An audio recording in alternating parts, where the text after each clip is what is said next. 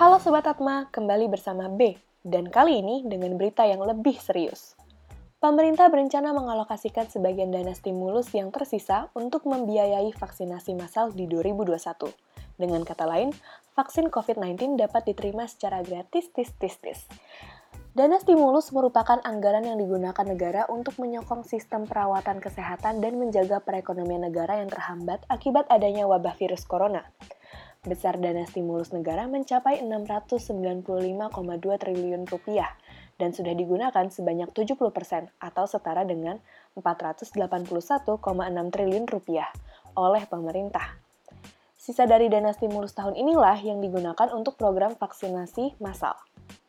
Presiden Joko Widodo mengumumkan bahwa pemerintah akan memfasilitasi vaksin gratis untuk masyarakat yang terpapar COVID-19 dan meminta para anggota kabinet untuk memprioritaskan upaya vaksin ini dilaksanakan di tahun depan.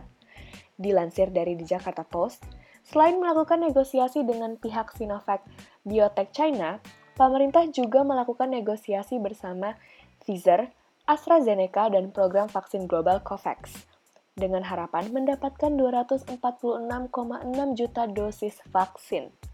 Pemerintah telah memesan sekitar 143 juta dosis dari Sinovac dalam berbagai bentuk, dari dosis siap pakai hingga vaksin massal. Namun, kemanjuran vaksin Sinovac masih belum diketahui dan masih menunggu hasil lebih lanjut.